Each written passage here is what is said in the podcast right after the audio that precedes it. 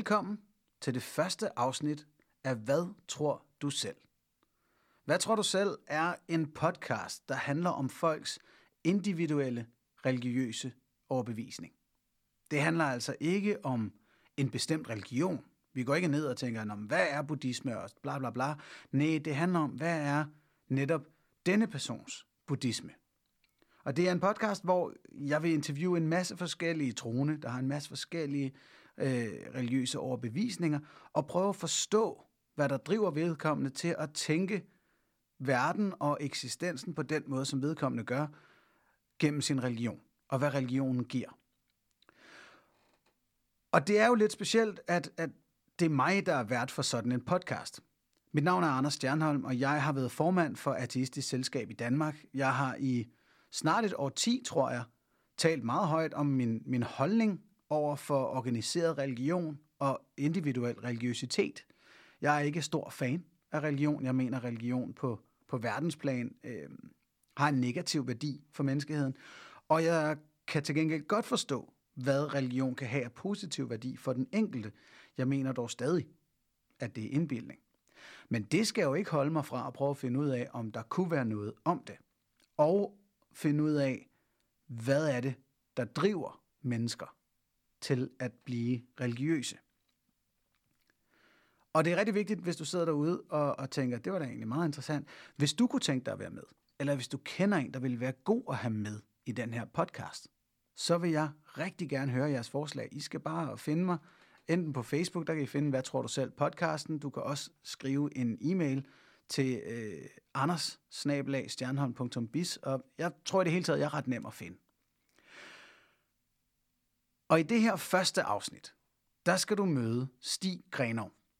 Stig er øh, apostolsk kristen. Og hvad det går ud på, det kommer vi ind på ret tidligt i, i vores samtale. Stig er derudover formand for kristendemokraterne i Danmark. Altså et politisk parti, der stiller op til det kommende folketingsvalg. Det har de gjort mange gange før. De seneste par gange med, med, med lidt sløj succes. Men det ændrer ikke på, at Stig er øh, temmelig optimistisk omkring det. Og derudover er han en meget sympatisk mand. Og til trods for, at Stig og jeg tænker meget forskelligt omkring religion, så vil, vil jeg mene i hvert fald, at du skal til at høre en meget behagelig samtale. Så god fornøjelse med Stig Grenov.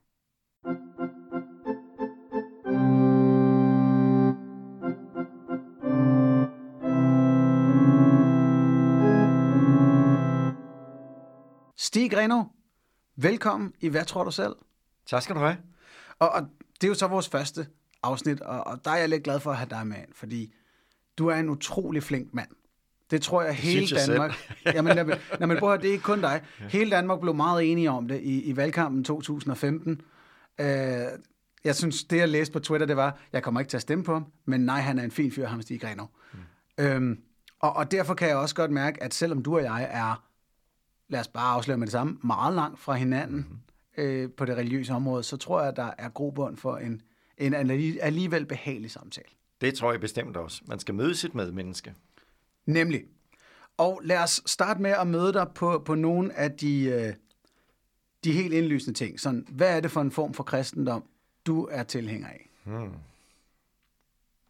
Okay, nu kigger du, nu, ja, nu, nu ligner du en, der er på vej til langt. Loftet jeg tænkte sådan, hjælp os lige med det lutheranske, ja. du kan, Vi du er, er over i, ikke? ja, protestantisk, øh, det er nogen måske vi kende Pinsekirken, øh, det er noget, en kirke, der hedder Apostolskirken, men det er over i den boldgade, derovre, øh, at jeg er opdraget i, eller jeg okay. har mine rødder. Og er det, er det stadig luthersk? Det er også luthersk, man kan sige, øh, med den, Luther, den lutheranske gren har jo så, der er baptister, og der er pinsekirke, der er apostolskirke, og der er alle mulige andre øh, okay. kirker, der ligesom er gået den vej ud af. Men det er luthersk, et eller andet grundlæggende. Alright. Ja. Og du nævner så to af dem, apostolsk og pinse. Ja. Du er i begge? Nej, det er apostolskirke, som, øh, som øh, jeg har mine rødder fra og i. Og i, okay. Og hvad går det specifikt ud på? Jamen, øh, det går ud på, ligesom en lutheranske, at man er frelst af tro, øh, man er reddet af tro. Jeg kan bedre lide det øh, udtryk, frelst, det får sådan en mærkelig betydning i dag. Men, øh, men øh, og, og, og det ikke er gerninger, der gør. Det er ikke fordi, at jeg er god nok, eller fordi jeg er specielt heldig. Det er fordi, jeg er menneske, og jeg er kendt, og jeg ikke er det.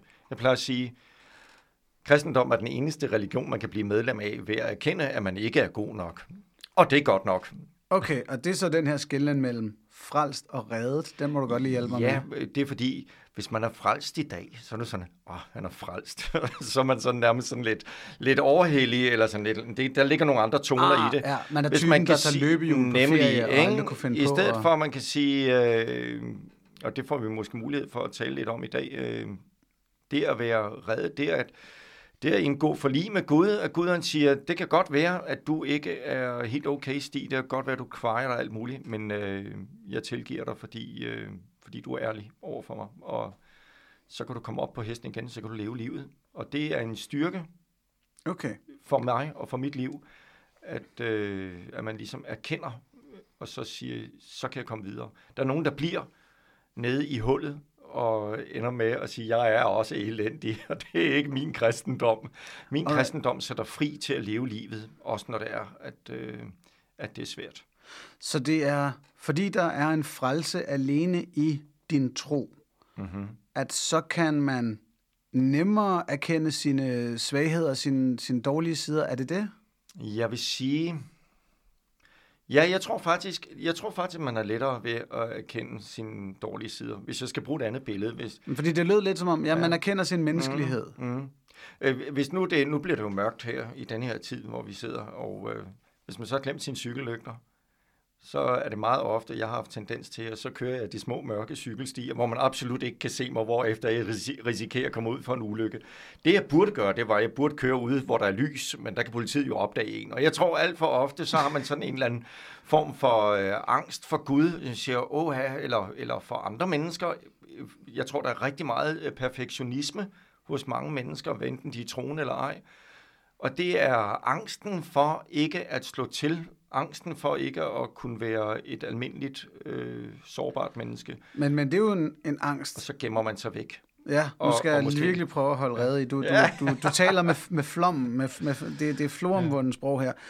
Så ja, vi føler os alle sammen uperfekte. Mm-hmm. Er det noget den regning? Og din tro giver en, en, en, en lov til at være det, og en, en ramme for, inden for hvilken at være det. Ja, det er, jeg har lov til at være et uperfekt menneske, og øh, vidne, at øh, uanset hvad, så vil jeg altid være elsket af Gud. Øh, så som ikke andre så kan, så kan han Okay, alligevel holde mig ud. og der, der er jo så nødt til at sætte en, en kontrast op. Hvor er det, man, man ikke kan gøre det, som man gør inden for den her trosramme? Sådan rent konkret. Ja, eller Altså sådan- som, som du ser det, det her med at være uperfekt og kunne tænke, jeg er frelst uanset mine synder og, ja. og dårlige sider. Ja. Hvor er det, man ikke kan blive... Ja, fordi det er, jo, det er jo grunden til, at der så er den her tro, det er jo, at mm. der er andre steder, den, man ikke kan være sådan.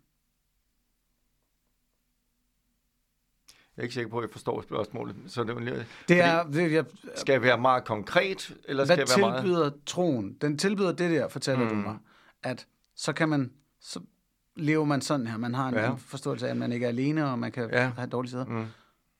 Men hvor, hvor vil man være for uden de ting? Hvad er det, troen tilbyder, som ikke findes i den Man kan, sige, verden? man kan sige det, øh, og nu med risiko for at blive flyvsk igen, så kan man sige, øh, Søren Kierkegaard, han var øh, faren til, til eksistentialismen, men han havde en Gud, så han havde et sted at læse af, hvorimod øh, Jean-Paul Sartre, som, øh, som øh, også er eksistentialist, han levede uden Gud og, og afskaffede Gud, øh, kan mm-hmm. man Mhm. sige. Og det, jeg tror er... Øh, det der, jeg kan jo ikke vide det, fordi sådan har jeg det ikke. Det kan være, at du har et svar på det, øh, Anders. Men det er, det må være, det må være forfærdeligt at skulle stå til ansvar for sig selv i et hele. Det kunne selvfølgelig godt være en del af sandheden. Mm. Men at stå til ansvar for sig selv over Øh, for hvem? Og kun have sig selv og pålægge, pålægge øh, skylden, hvis det er, at man, man øh, Hvis det er, man for eksempel, hvis man for eksempel, lad os nu sige, at, at der sker et eller andet forfærdeligt, man siger, lad os aldrig håbe det, men at man kommer til at køre et andet menneske ned. Mm. Det vil være, jeg tror ikke, jeg vil kunne holde mig ud jeg tror ikke, jeg vil kunne klare det. Man har virkelig gjort måske noget, som endda ikke kan, er, er reversibelt, så man kan altså ikke køre tilbage igen. Ja. Der vil jeg stadigvæk have den styrke, at jeg vil vide et eller andet sted dybt nede, at selv der vil Gud være med mig i det her. Og sige, Stig, det er godt nok noget lort, det der, tilgiv mig sproget her i radio, men, øh, men, men jeg er stadigvæk ved din side. Så du tænker, uden Guds tilgivelse, så er der ikke en menneske tilgivelse for alene. den her handling? Mm, Ja, man kan sige, hvis der ingen Gud er, så er vi godt nok alene. Det, det må Ja. være helvede. Helvede lige frem. Al- altså, det, det er jo bare uden en... en... Altså, men det er jo selvfølgelig ja. Rigtigt, hvis jeg har kørt nogen ned, Ja, så skal jeg tilgive mig selv, Mhm. mm-hmm. og, og vedkommendes øh, nærmeste skal tilgive mig, eller lade være. Men ja, det, det, det er med afsæt i dem, at jeg kan søge at, at kunne leve videre med ja. mig selv. Og du har så en Gud, der kan hjælpe mm. med den proces. mm. Er det sådan forstået? ja. Det, Øhm, så, så for at bruge, jeg håber ikke, du vil se det nedladende, men der er en storebror, en forældre, en, en herre, som Mhm på en eller anden måde skaber, øh, giver en tryghedsværdi. det er jo den ene måde at se det på, det er at sige, at der er en storebror, en forældre, øh, som giver en tryghedsværdi. Jeg er ikke i tvivl om, at der, der også kan være den faktor med inde i det. Også for rigtig mange mennesker, som netop søger religionen. Øh, at, hvis, at uanset hvad, så er der nogle andre. Så, sådan kunne man jo vælge at se det. Man kan også sige det sådan, at hvis man ikke vælger Gud, så kunne det jo også være tolkes som værende en frygt for, at Gud rent faktisk findes. Altså den der frygt, frygt for, at, øh, at der måtte være en Gud. Og så de fleste mennesker, der har en forestilling om Gud, hvor herre han er sådan en, der sidder op på en sky, og så smider han lyn og torden efter folk, der ikke opfører sig ordentligt. Og sandheden er jo, at øh, den kristendom, som du startede med at sige, hvad er det for en slags kristendom?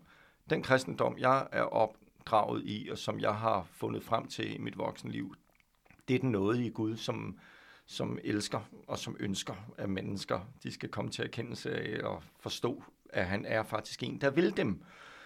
Og der tror jeg, folk de er super bange for Gud, fordi hvis der er en Gud, så er, det, så er alt jo ikke et fedt, så er alt jo ikke ligegyldigt. Og Der sprang du temmelig mange volter fremad, synes jeg. Ja. Ja. Der, der var et eller andet der. Det, det kan være, at jeg kommer til at afbryde lidt mere, det gør du når, bare, når jeg Anders. fornemmer emneskiftene. Ja, men Øhm, øhm, Men hvis vi lige lader den lidt ligge. Øh, det var så... det var mere, fordi, fordi jeg oppon- opponeret mod det der med, at du siger, at jamen, så er der en stor, så er der en Gud, og så, oh, men så er alting vel, og, og hvis det er, jeg sådan, så står der sådan en engel og passer på mig hele tiden og sådan noget. Altså hvis jeg går ud på motorvejen, så bliver jeg også kørt ned, ligesom alle andre mennesker. Jeg har, jeg har et, et, et liv, jeg har en, øh, mennesker omkring mig, jeg holder af, der bliver syge. Jeg har alle mulige ting, nøjagtigt ligesom alle andre mennesker. Jeg er ikke engang bedre, jeg har ikke engang mm. nogen glorie. Men jeg vil stadigvæk mene, at jeg har en Gud, der øh, interagerer i mit liv, og som øh, hjælper mig. Og ikke alene hjælper mig, som også styrker mig til at leve livet. Nu har vi talt så meget om alt det der, hvad man ikke vil. Ja. Jeg synes, det er en ressource uden lige at kende Gud. Yes, ja, du, og du siger, at han interagerer Mm-hmm. i dit liv. Så Gud, Gud har ikke bare... Lad, lad, lad mig prøve lige at spole lidt tilbage. Vi kommer tilbage til det med interagere. Ja. Også fordi nu har vi startet i en, i en ret dyb filosofisk retning, som jeg tænkte, det er sådan noget, der kommer om efter en halv time. Ja. Vi skal lige have nogle flere øh, af dine, øh, dine, dine specs op, din, din, øh, sådan, de almindelige statistikker her. Altså, verdensbilledet. Øh, Ja. er, er, hvor gammel er jorden i dine øjne? Øh, 4,5 milliarder år. Godt nok. Og universet 14? 15 år, eller 13, 12. Jeg tror, Ja, de skændes om det. 13, de, de 8 kloge. eller sådan noget. Ja, Nej, jeg tror, vi er på, på plads efterhånden. Ja, Nå, men okay, okay. ja. Så det vil sige ikke noget øh, øh, kreationisme der. Nej, det, Øh. det er ikke noget, der... Og evolutionsteorien, Altså, jeg har det fint med, med at kigge Gud i kortene, og der, han kan have brugt alle mulige hammer og ting og sager for at gøre det, og det er jeg sådan set lidt, lidt ligeglad med. godt. Men man kan sige stadigvæk, jeg tror, Gud interagerer i verden, som Gud han bruger evolutionsteorien, eller evolution, eller hvad han nu gør, det må han finde ud af. Der er også nogle ting, jeg ikke forstår, det vil jeg spørge ham om, når jeg engang kommer i himlen. Fedt. Ja, fordi sådan noget som næbdyret og lignende, er, er det noget, du holder fast i, bare fordi du synes, de ser Næbdyret? sjove ud? Altså, altså ja, de eksisterer. Ja, de Ja. ja. eksisterer, de ser mærkeligt ud. Pandaerne, er det bare for at drille os, at, at vi skal gå og prøve at sørge for, at de parer sig, selvom de virkelig ikke gider? Der er nogle ting, jeg synes, du skal nævne for ham, hvis du kommer først, selvfølgelig. Hvad? Nå nej, jeg får ikke lov til at tale med ham. Altså, det kan jeg jo håbe stadigvæk. Ikke? Altså, han, Nå, er, det er han er en god ven. Det kan jeg godt love dig for. Det er, Det må vi se på. Men okay, ja. Det vil sige, altså, der er ikke noget... Hvad, hvad, hvad giver... Har kristendommen nogle videnskabelige forklaringer tilbage til dig? Er der nogle Jeg af synes, dem, den dag, til? hvor det er, at man som videnskab ønsker at sige, nu har vi den evige, saliggørende sandheden, så er den blevet til religion. Men og det var ikke dag, det, jeg spurgte Og om. den dag, hvor religionen begynder at lege videnskab, så har den ikke Okay. forstået sin egen værdi. Okay, så det vil sige noget af det, som kristendom, eller andre religioner for den sags skyld, har gjort før i tiden, og nogle steder i verden gør, nemlig kommer med videnskabelige påstande, det er ikke din kristendom. Det, det er ikke det, der betyder noget for mig personligt. Nej, det er Nå, okay, det men- ikke. men- Og, øh, Du kan også godt sige, at de tager fejl i dine øjne, når nogen siger, at jorden er 6.000 år gammel. Ja, altså jeg, jeg, sidder, altså jeg har jo ikke behov for at sidde og tage de der dybe diskussioner omkring det. Jeg fascineres hver gang, jeg, jeg øh, læser illustreret videnskab, eller, eller, eller nogle af de her, hvad hedder han, Rane og Eske Villerslev, som øh, finder DNA og antropologer. Jeg synes, det er så hammerspændende simpelthen. Og jeg kan ikke, stadigvæk, jeg kan ikke se, at det er farligt at kigge Gud i kortene. Faktisk mm. vil jeg sige, hvis Gud ikke kan tåle, at man ser alle steder hen, så er han da en meget lille Gud. Så, øh, så Yes. gør endelig det. Men man kan jo sige, at det er da meget interessant og meget sjovt. Hvis- Hvis jeg nu skulle sige noget, der er sjovt, så vil jeg da sige, at øh, for mange år siden, der sagde man, at en Eva, det kunne der ikke være. Men nu siger man faktisk, at der er en Eva tilbage et eller andet sted i Afrika. Man har fundet nogle, nogle dele, øh, som man siger, jamen, øh, mennesket, der har en fælles øh, urmor, om man så må sige. Det er da meget skæg. Det er ikke noget, der betyder noget religiøst for mig. Mm. Øh, hvis man tager skabelsesberetningen, kan man også godt se nogle meget sjove øh, ting derudaf. Men det, der er vigtigt i skabelsesberetningen, er, at Gud siger, og det glemmer man. Jeg tror, det er fire eller fem gange her i løbet af det der kapitel siger, og Gud så, at det var så godt. Og det siger han også, efter han har skabt mennesket. Og jeg synes nogle gange, vi har en tendens til at, at tale det ned. Og faktisk alt, hvad der står, det er, det er så godt, det er super godt, det er fedt det her, ikke? det er rigtig mm. godt. Og jeg synes, vi skal have den her positive vinkling på. Yes. Den, vil, den kan også godt være, at vi lige kommer tilbage, men jeg, jeg fortsætter lige med at få nogle af af de, øh, de mere simple ting på plads. Nu sagde du, du øhm, nej, jeg starter her. Er der en, kommer der en dommedag? Ja. Alright. Hvordan den kommer til at se ud, det ved jeg ikke. Men den kommer på et tidspunkt, ja. Så, men, men det er ikke sådan, der er en helt bogstavelig forståelse af, hvordan den apokalypse skal være. Den er beskrevet i Bibelen, men, øh, men det, der står i apokalypsen, som jeg for øh, lytterne kan sige, det er nogle af de sidste bog, der hedder Johannes åbenbaring. Det er nogle af, noget af det, jeg fatter natter. Det er altså, øh, men jeg forstår det aller sidste. Jeg forstår det aller sidste kapitel, og det er jo igen et godt kapitel, nemlig hvor det er, at, at, øh, at Gud han, han øh, laver den perfekte verden, om man så må sige. Så, men hvordan det ser ud, jeg ved jo, Jesus siger jo også på et tidspunkt, hvor der er nogle mennesker, der siger, hvem, skal, hvem skal, hvis nu der er flere, der har haft den samme kone, hvem skal så have hende i, i himlen? Og så siger han, I er ikke fat en prik af det hele, øh, eller noget i den retning, så, fordi i, i himlen, der er vi ligesom engle, eller noget i den retning. Og jeg, jeg opfatter det som, at det ved vi faktisk ikke noget om, men jeg ved, at vi er der, og jeg ved, at Gud er der. At vi er der Ja. i hvad? I, altså at der er et liv efter, efter døden, og at der vil, øh, der vil også være en, en dom. Desværre er det en meget dårlig spindoktor, vi har fået til kristendommen i Danmark, fordi det kommer til at hedde kristendom. Det handler jo i virkeligheden om kristen noget. Okay. Jamen, jeg kan da At Gud eventuelt prøve at være med at kalde det kristendom. siger ja til, ja, men det bliver vi nødt til. det var fordi, så det hedder det nu engang, ikke? Men så når den her nådedag øh, kommer, Ja, ja, som vi nu stopper med at kalde dommedag, ja, det vil sige, nej, du ved stadig ikke, om det bliver med helvedesild eller noget som helst andet her Ej, på altså, jorden. Det der helvedesild, det er, så vidt jeg har fortalt, det er den måde, mennesker kunne forklare det, og det er faktisk en dal, himlerens dal uden for Jerusalem, hvor det var, man brændte affald af, og det brugte man svovl til, og det stank forfærdeligt. Mm. Og der har man altså så haft et, et billede, man kunne gå. Men, men nu sagde jeg det faktisk, for jeg tror næsten, helvede også her på jorden, det behøver vi ikke vente på til efter, desværre. Mm. Det er ensomhed. Men kan du... Og være, Oh, men nu springer vi videre igen. Det, vi kan Ja, godt tale du lidt sagde det selv. Men, men det, det bare lige for... Den Hvis her du siger, det der helvede, det er sådan noget med flammer og svovl og sådan Jeg sagde noget. ikke helvede, jeg siger, det, den dommedag der. Ja. Jeg sagde bare helvedes ild, og det, Mhm. mm-hmm. det er for at forstå, Ja. der er en dommedag, Mm. eller nådes dag, hvis den skal til at omdøbes, Mm. og hvordan den ser ud, ved vi ikke, men det er der, hvor alles liv så på den her, i den her verden mm. stopper, og så starter mm. efterlivet for hele baduljen, Mm. Men det efterliv er jo så startet for dem, der er døde. Mm-hmm. Er det rigtigt forstået? Ja, det vil jeg tro, at det nok er sådan, det er. Jeg tror ikke på, at folk de sidder med et vækkeur dernede i graven. Godt. Og det efterliv, er det forbeholdt folk, der har den, den rigtige form for kristen tro i dine øjne? Eller er det for alle? Eller det... alle, der, der opfører sig rigtigt? Eller?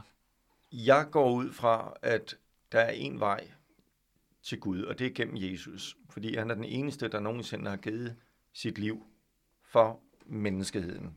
Uanset, øh, uanset hvad vi, vi, har, vi har gjort. Så den eneste, der har betalt for, og nu bruger jeg ordet synd, mm. og det ved det er et gammelt middelalderligt ord, men jeg har ikke andet bedre begreb.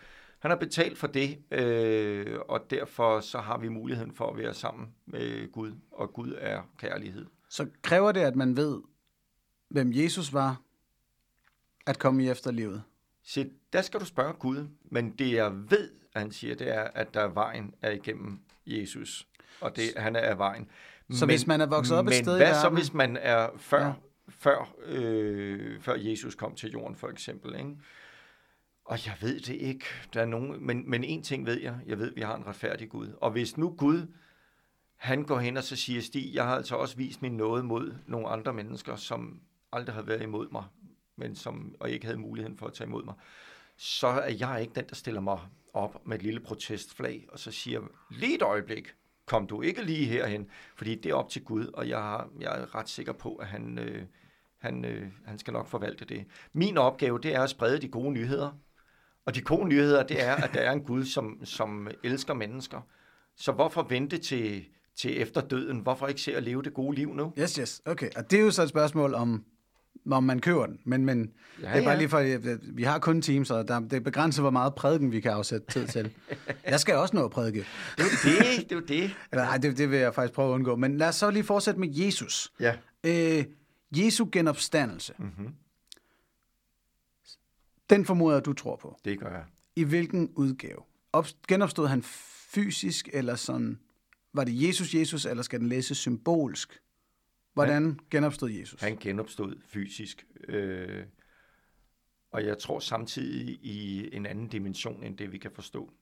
Øh, nu, nu er det lidt svært i en radio, hvis jeg skal gøre det meget kort og præcis. Hvis man har et stykke papir foran sig, så kan man øh, tegne et koordinatsystem i en x- og en y-akse. Og hvis man nu forestiller sig at nogle små mennesker, og de er helt flade, de er helt flade i forhold til papiret, så vil de kun kunne leve i de to x-y-akser. Mm. At de vil ikke kunne forstå, at der er noget udenfor, ovenover papiret. De vil ikke kunne forstå, at der er noget nedenunder papiret. Og sådan lidt opfatter jeg det sådan set. Vi har godt nok tre dimensioner, højde, længde og bredde i vores verden. Men jeg forestiller mig, at Gud ligesom er i en, Jesus er i en anden dimension, hvor han faktisk kan være til stede flere steder samtidig, og han kan være i et rum, og han kan gå ud, sådan som det også er forklaret yes. i evangelierne. Så en ekstra dimension. Var han også i den her den tredimensionelle dimension? Vores... Ja, det var han. Det Godt. Var han. Øhm, kommer han tilbage? Ja, det gør han også. Heldigvis, det bliver en god dag. Ja, ja. Hvad, hvad, hvad, ja fordi hvad kommer der til at ske, når han kommer tilbage? Jamen, der kommer jo øh, til at ske, at der kommer den før omtalte nådedag. Øh, det er samtidig? Altså, jeg må indrømme, Anders, jeg har jeg, jeg var ikke klar over, at jeg skulle eksekere til Nå, nej, i, det, er ikke for at gøre det til en teologisk eksamen. Der, sådan, men det... Nej, øh, men, det, men det, når han kommer tilbage, der er nogen, der siger, at der så kommer tusind års rige og nogle andre ting. Det har jeg ikke helt styr på. Jeg har styr på én ting, det er, at jeg er Jesu ven, og jeg er Guds ven. Okay, og, øh, men han kommer tilbage for mig. og gør nogle ting, inden der så er dommedag. Så er der dommedag, ja. Yes. Godt. Øhm, så lad os komme hen til det her med, at Gud interagerer i dit liv. Mm-hmm. Og i andres, formoder jeg. Det ja. vel ikke Stig alene. Nej. Øhm, hvorledes gør han det? Ja, først og fremmest vil han jo altså... Han, han gjorde det fuldstændig sindssygt, at han der havde skabt verden, det her univers med de her mange milliarder lysår, som nærmest stod ind i, og Big Bang og hele svineriet, at han havde, han havde øh, hjerte for de der små, øh, små mennesker, der lever på en lyseblå golfbold kaldet jorden, og sendte sin egen søn ned. Alene det er jo en vanvittig tanke. Det er jo fuldstændig sindssygt, men altså, jeg har en sindssyg stor Gud, så... Så, øhm, så, så du føler dig meget benådet over, at han sendte Jesus ned til os? Ja, det, det giver lidt i mig, når jeg står og ser mm. på en stjernehimmel. Og så Men der, her kan vi eventuelt lige overveje, Jesus var her jo kun i 33 år. Så ja. han kunne jo muligvis godt have fået en ny mission på en ny planet. Ja, det kunne da godt være. Det ved jeg ikke. Ja? Hvis der Okay. er nogen der. Altså, det må jeg spørge Gud om, om Der er mange. kommer derop. Ja, ja jamen, vi må lige lave en liste, fordi... men, men hvordan interagerer han? Udover at han sendte Jesus, hvordan interagerer han i dit liv, den her Gud? Jamen, øh, det gør han på mange måder. Øh, jeg, jeg, jeg laver bare nogle highlights, eller et eller andet, ikke? Ja, for, meget for, gerne. lige, Du må godt for vi har noget, ellers så har lytterne heller ikke noget at høre på. Jeg, jeg kan huske, øh, jeg kan huske en gang, da jeg var ung, hvor det var, at, øh, at øh, og nu tror lytteren, jeg er fuldstændig benegal. Nå, men det er jeg også. Øh, jeg, jeg kan huske en gang, hvor det var, at jeg var til øh, en gudstjeneste i en kirke, hvor det var, der var en, der sagde, øh, vi var i bøn, kan jeg huske, og så var der en, der sagde, det I tænker lige nu, det er der, du er inden for et par år. Og øh, lige der, der tænkte jeg, jeg er i Afrika. og så efter et par år, så var jeg faktisk i Afrika. Jeg var faktisk nede, jeg var på en missionsstation, hvor jeg lavede alt muligt forfaldende arbejde. Øh, ikke noget specielt heldigt, om man så må sige, andet end jeg savede brædder og kørte farmprodukter ind til en by og hjalp nogle mennesker, der var ved at lære at dyrke jorden og sådan nogle ting. Øhm, men det kan man jo sige på en eller anden måde, man sige, der fik jeg et indblik i, hvad der ville ske. Jeg ved ikke, hvorfor jeg gjorde det. Det var egentlig mærkeligt, fordi hvad skulle det egentlig? Det blev jeg hverken rigere eller, eller gladere af. Øh, men det gjorde jeg. Men var det ikke bare... Jeg har... Altså, det kunne jo også godt bare være dig, der drømte, Ja, det og så det da, og der er masser af mennesker, der har den slags oplevelser, også folk, der ikke er, er kristne. Jeg læste, at Mary, øh, øh, vores kronprinsesse Mary også havde haft en eller anden oplevelse i den retning i Australien. Men Men så det det, det er der- ikke noget der- bevis, og men- jeg har heller ikke noget behov for at bevise. Ja, Gud er der, men jeg kan da sige også, den måde, jeg føler, at vi, vi engang fik en bolig på, på et tidspunkt, hvor det, hvor det var helt umuligt, og hvor simpelthen alle brækker faldt på plads, og vi havde bedt om at få noget, der havde den og den størrelse og de og de muligheder, og det faldt fuldstændig på plads. Der var jeg ikke i tvivl om, at det var noget. Men enhver Mm. udenfor ville kunne sige, ja, det var heldigt, Stig. Jeg har også engang været heldig. Mm. Jamen, fordi jeg sidder og tænker, når man så oplever den slags, og tænker, han er med mig, ham her. Mm-hmm. Hvad så, når man står og tænker, øj, nu har vi brug for et nyt sted at bo, eller mm. vi kunne virkelig godt bruge en bil, Mm. men det er ikke sket. Og hvorfor? Jeg forestillede mig, at jeg ville være ja. i, i Jylland for et par år siden. Ja. Hvorfor er jeg ikke i Jylland? Så får man vel en fornemmelse af, nu er han ikke med, Ja. eller hvad? Ja, det, det kunne man nemlig godt gøre. Og det tror jeg også, de fleste mennesker oplever. Hey Gud, hvor er du henne? På samme tid, hvor vi Så er det bare, fordi du ikke har haft fjerskoer på den måde? Der kan jeg huske, at der var øh, en meget alvorlig syg person også i, i vores omgangskreds. Og der sad jeg netop og tænkte, hvorfor Gud? Hvorfor hører du vores bøn om noget så simpelt som et hus, men du hører, hører, hører du ikke den person, som er så syg her, som er så syg? Øh, jeg skal så sige, at den her person er noget af det mest livskraftige, som jeg har oplevet altid øh, positiv, glad derudaf. Jeg tror ikke altid, at man kan man kan ikke måle det på den måde. Nogle gange så man sige, ja, det kan godt være, at vi går igennem nogle ting, som vi ikke lige havde tænkt os. Øh, Selv Paulus, som jo er den største, øh, største hvad hedder det, evangelisator i, i hele kristenheden, han taler jo om, at der er et eller andet, han fejler, man ved ikke rigtig helt, hvad det er. Øh, men han siger, nå ja, men, men Gud har sagt, min nåde er der nok, så det klarer du nok. Det er nok, det er nok for, at jeg ikke skal få for høje tanker om mig selv, siger han så, mm. og så går han videre. Ikke? Jeg kan ikke dømme om det, men igen, der er mere til listen der, men en ting ved jeg, uanset hvad der sker, så er jeg ham med mig. Og jeg ved også, at det kan lyde fuldstændig latterligt, fordi så er han jo bare sådan en bamsefar, en eller anden, der, der siger, Nå, du har, du har brug for en støtteklud, Stig. Ikke? Du er sådan en, en støttestok som, og en, og en sutteklud, som du kan, du kan snyde næsen i, når det er, at du indimellem bliver for ked af det. Men jeg ved, det er anderledes. Og når du siger ved, det mm. synes jeg er et spændende ord. Øhm, jeg er jo tit ude og tale med folk omkring det her begreb ateisme. Mm. Og så er der nogen, der taler om agnosticisme og så teisme. Mm-hmm. Ja. Og, og der vil jeg også sige, jamen altså, de fleste af os er agnostikere, når det mm-hmm. kommer til Gud. Agnosticisme handler om, man erkender, der er ikke endelig afklaring inden for et givet spørgsmål. Mm. Vi er agnostiske med hensyn til, om Danmark vinder den næste VM-slutrunde. Mm. For det kan vi ikke vide lige nu.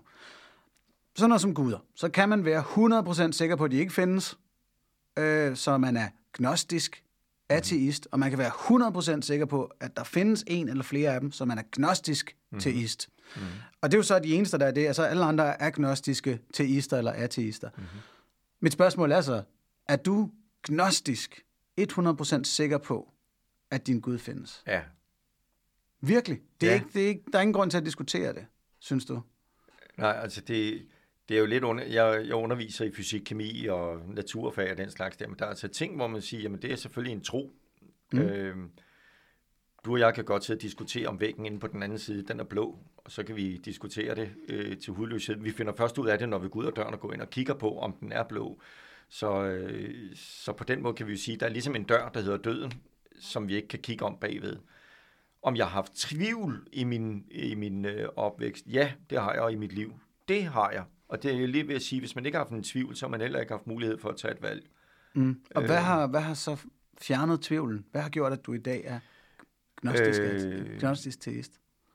At jeg overvejede som, øh, som ung menneske, så sige, jamen, er Gud der, eller er han der ikke? Er, han, er, er det bare en, noget, jeg har fået fortalt, eller eksisterer han?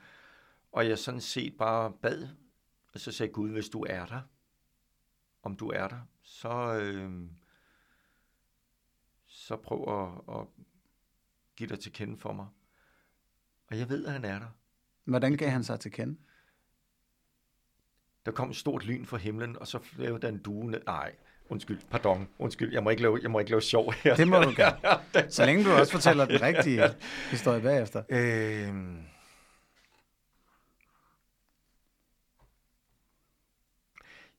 Jamen, det ville være så dejligt, hvis jeg nu kunne sige, så skete der det, eller jeg brød ud i håbløs latter, eller jeg følte en lettelse, eller sådan et eller andet andet fysisk.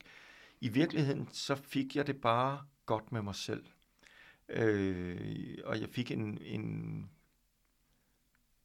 og jeg hader de der sådan, øh, hellige ord, men jeg, jeg fik fred med mig selv. jeg kan Ja. ja. næsten ikke holde ud og høre det. men, øh, men, men jeg fik den der sådan, øh, måske vil man i dag sige balance inden i, eller sådan øh, en, en eller anden, øh, og, og jeg må indrømme, når jeg taler med Gud, så har jeg en, øh, en overbevisning om, at Gud lytter og hører efter og han er der. Og det er ikke bare, at han er der, og han hører. Han er ikke bare sådan en eller anden øresnegl. Men han øh, tager sig også af, hvordan vi har det. Men jeg kan jo ikke lade være med at lytte til det der. Og, og du er selv naturvidenskabsmand. Ja. Og du kan godt høre, at de præmisser, du lægger frem for din konklusion, Ja. Gud er der, Ja. de er subjektive. Ja. Det er dig, der siger, jeg Yes. mærkede en, en, Ja. en, en tilfredsstillelse, en, en glæde, du, du følte fred, Ja. og du føler dig overbevist om, men det er jo ikke nok til en objektiv præmis, som det er at sige, der er 100% sikkert en Gud. Det har du fuldstændig ret i. Det har du fuldstændig ret i, men det er jo det, der er det fede ved kristendommen, det er, at du skal ikke hen over din præst. Du er altid nødt til selv at være en del af den kommunikation med Gud. Du kan ikke, du kan ikke, du Men, skal men ikke Stig, det er ikke det, vi taler om her. Der, der er det de 100 procent her. Den der sikkerhed. Ja. Fordi du, nu har du også et par rigtig ja. mange gange efter sådan understreget, du ved det her. Ja, Og, og det lyder som om, hvis nogen kom og sagde multivers-teorien, at der er flere universer end det her. ja, Og en, en, en astrofysiker kommer og siger, ja, godt nok er mine præmisser subjektive, men nu ved jeg, ja, at der er multiverser. Ja. Ja. At der er flere universer. ja. Vil du så tænke, godt, så er sagen afgjort. Øh, ja, at der findes det, men det er jo ikke det samme som, at øh, Gud ikke findes. Nej, nej, nej, stop, stop, stop. Det eneste, jeg sagde, var, du har en, en astrofysiker, ja, som ja, ja, siger, som- han føler, han ved Nej, godt, han siger, han er føler det. subjektive. Ja, Nej, det, det vil jeg ikke. Nej. fordi her er bøvlen for mig jo, at Ja. jeg sidder og tænker, okay, Stig, han er sat mm. sikker på ham der, Gud, undskyld. øh, og, Ja. og, og hvis du er så sikker, Mm. så må du, jeg kan ikke lade være med at tænke, det, det må da være forfærdeligt at rende rundt, og så render vi ateister rundt og har ikke forstået det. Og Ja. du er stensikker Ja, på, at din Gud er der. ja. Og så er det så svært at nå sådan en som mig, som jo egentlig burde, du burde jo prøve at, frel, at sørge for, at jeg fik frelse. Right? ja det ville da være det fedeste for dig. Altså, fordi... Ja, hvis jeg ja. Nu bare fattede det. Men ja, så er det da ærgerligt, at ham her Gud, til trods for hans interagering, ikke kan levere lidt bedre præmisser, sådan Ja. så jeg kunne købe den. Men ved du hvad, der var, der var en, en elev, der engang sagde til mig, så, ja, men øh, i fysik-kemi, så sagde jeg, ja, men jeg tror også på, at, at, øh, at øh, verden er skabt på syv dage, eller sådan et eller andet. Sådan noget. Så sagde jeg, nej, men så afbrød jeg lige, så sagde man behøver ikke være dum, bare fordi man tror på Gud. Det er noget andet. Herinde, der sidder vi en masse elever, og nogen tror på Gud, og nogen tror sikkert ikke på Gud. Men det her, det handler om mange mere end det. Religion handler jo om, at du kan determinere, du kan altså pille mennesket og hele det, jeg kalder skaberværket, du kan kalde naturen, fra hinanden og sætte det ned og så sige, hvis du har nogle børn, jeg ved ikke, om du har nogle børn, hvis du har nogle Det har børn, jeg ikke. nej, men hvis du fik nogle børn, så hvis det er, du føler kærlighed til det barn, så skal du vide, at det er ikke kærlighed, det er bare nogle neuroner. Og de neuroner, de styrer nogle hormoner, og de hormoner styrer nogle nervebaner. Og det, til sidst så er vi bare elektricitet og, og energibaner, og så vi render vi rundt og tror, at vi Det, man kalder værdi. materialisme, ikke? Simpelthen. Ja. Og øh, så er vi jo nået ned i, men så har vi jo ingen værdi længere. Så er vi jo bare en kompliceret protoplasmaklump. Nu er vi sprunget lidt videre igen, men, men lad, os, lad, os, lad os holde fast i den, fordi nu er du også en mand af atomskab. Ja, jeg mener for eksempel, vi er mm. en avanceret protoplasma-klump. Det Ja. lyder vildt smart, det vil jeg prøve at sige. øh, ja, sandsynligvis. Den kærlighed, jeg føler fra min kæreste og fra min mor, den sorg, jeg føler over min far, og som er død og sådan noget der, mm. det er kemiske reaktioner udløst af nogle øh, psykologiske øh, forbindelser, jeg har til de her mennesker i, i min nærhed. Der er ikke behov for en udefra kommende forklaring. Der er i hvert fald, det, som, en, som en model, så er det sådan, det ser ikke ud til at være behov for noget udefra. Og jeg føler ikke behov for noget udefra. Mm. Hvad der så, hvad er ærgerligt ved det billede i dine øjne? For det lyder som om, du synes, Ja. at det er ærgerligt.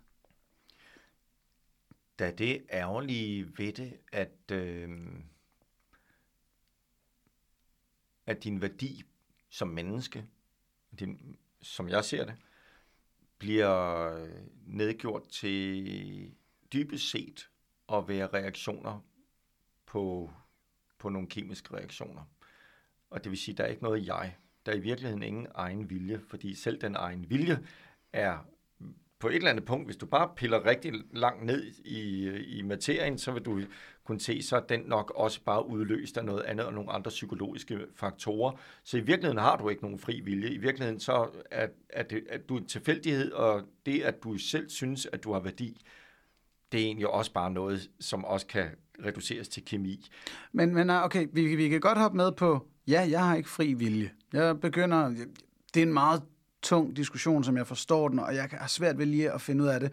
Der er to øh, superartister, Sam Harris og Daniel Dennett, der diskuterer det meget mm-hmm. øh, ivrigt. Men du kan så over til, om jeg har værdi. Mm. Øh, hvor jeg så tænker, jamen selv ud fra den der helt materialistiske forklaring, så ser jeg der stadigvæk en værdi i mig. Netop fordi det er så helt ufattelig mange forbindelser, der skal til for at skabe en, en menneskelig organisme, og så derefter en menneskelig bevidsthed med den historie, jeg nu har igennem gennem 7-38 år. Mm. Øh, der ser jeg masser af værdi i. Hvorfor gør du ikke? Hvorfor skal der Gud til, før den har værdi? Ja, det er ikke fordi, jeg ikke ved, hvad jeg skal svare. Jeg prøver på at svare intelligent. må- det tager lidt tid. må gerne tage dig tiden, ved du hvad, vi, vi klipper bare ned, så det lyder som om, du kommer ja. hurtigt frem til det. Mm. Og det ved du godt, det er totalt løgn. Jeg klipper 18 sekunders pause ind. Og så. øhm, hvorfor der skal Gud ind over for at have værdi? Øhm, fordi den, det er lidt... Nej, Anders, det, det er fordi, jeg vender den, jeg vender den jo, lidt om. Jeg siger ikke, jeg tager ikke en Gud ind for at få noget værdi. Mm. Jeg mener, Gud er der, og det giver værdi. Øh, så jeg, jeg ved ikke, om jeg kan formulere det her over for lytterne, men hvis man nu står på den side, hvis man prøver at se det fra min side, Mm. øh, sige, jamen, Gud er der og giver værdi, så er det, når det er, man, man siger, siger Gud fra, så er, man, så er man dybest set kun sig selv. Og øh, det kan jo godt være, at du har ret i det, fordi hvis sådan rent objektivt set, hvis vi skal lægge en videnskabelig schema ned over, så kunne man jo godt sige, jamen så har du, så er der to muligheder. Enten er Gud der, eller også er Gud der ikke. En af os tager fejl. Mm. Øh, og øh, det, jeg synes er så ærgerligt, det er, øh, det er, at man, ikke, man går glip af en dimension i sit liv. Men, men det er noget ja. andet. Det kan vi godt tage, det her mm. med den manglende dimension. Mm. Det er mere bare, hvorfor, hvorfor er det fra Gud, værdien kommer, eller hvorfor er Gud nødvendig for at fordi, have værdien på, på menneskelivet? Fordi vi er skabt af Gud, uanset, uanset metode, og uanset al videnskab og det ene og det andet, så er der, står der Gud bagved. Øh, jeg faktisk... Øh,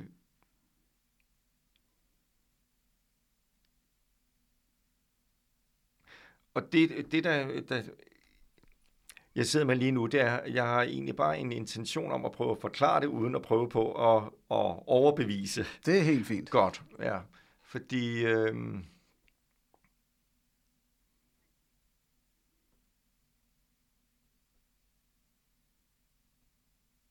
Hvorfor? Jeg tænker meget i billeder. Må jeg lige få et spørgsmål en gang til? Ja, hvorfor har jeg ingen eller mindre værdi uden Gud, hvis jeg kun er et produkt af naturlige mekanismer? Hvorfor skal der Gud til for at give mennesket værdi? Jeg tror, du kan leve et godt liv. Jeg tror, du kan have det godt, også selvom det er du uden Gud. Men i sidste instans, så vil du være alene. Også selvom du har en kæreste, en mm. far, en mor, en men, søster. Men der er jeg ked af at sige, det bliver som om, du hopper videre til noget. Værdi, menneskets værdi handler jo i høj grad om relationer til andre. Jeg ved ikke, om du kender den børnebog, der hed Palle alene i verden. Det var meget populær, da jeg var dreng. Og det med relationerne, der har, har du mig fuldstændig med. Så hvis ikke man har de relationer, dybest set, så er der nogle ting, vi ikke kan gå igennem livet, uden at vi selv gør det, uden nogen som helst andre gør det. Det er, når vi kommer ind i livet, og det er, når vi skal ud fra livet. Mm. Og øh,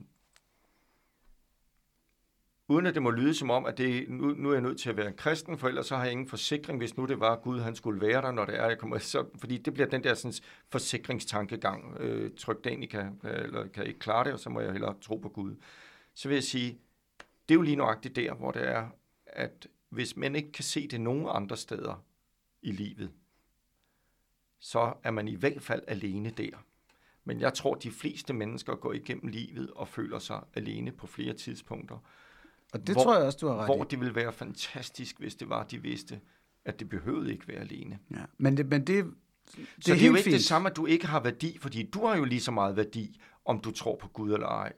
Mm. For mig har du lige meget værdi, om du tror på Gud eller ej. Men eller balladen er her, lad os sige, hvis din Gud ikke findes, mm-hmm. så har jeg, spøjs nok i din øjne, mindre værdi. Så har vi begge to mindre værdi. Hvis din Gud findes, så har vi mere værdi. Yes. Og det er fordi, er det så fordi, der er en relation mere? Ja. Godt. Og fordi den relation, det... den går til, til din til din skaber. Ja, Nå, men ja. fordi det kan vi hurtigt mm. blive enige om, at det, der skaber meget værdi i et menneskeliv, og det ved man også psykologisk, det er vores relationer. Mm. Og da min far døde her i, i foråret, der var det jo også helt tydeligt, at det, der skaber hovedparten af min sorg, det var min relation med ham. Mm-hmm. Og hans relation til min mor, som jo selvfølgelig sætter nogle, nogle mærker i mig, når jeg mærker hendes sorg.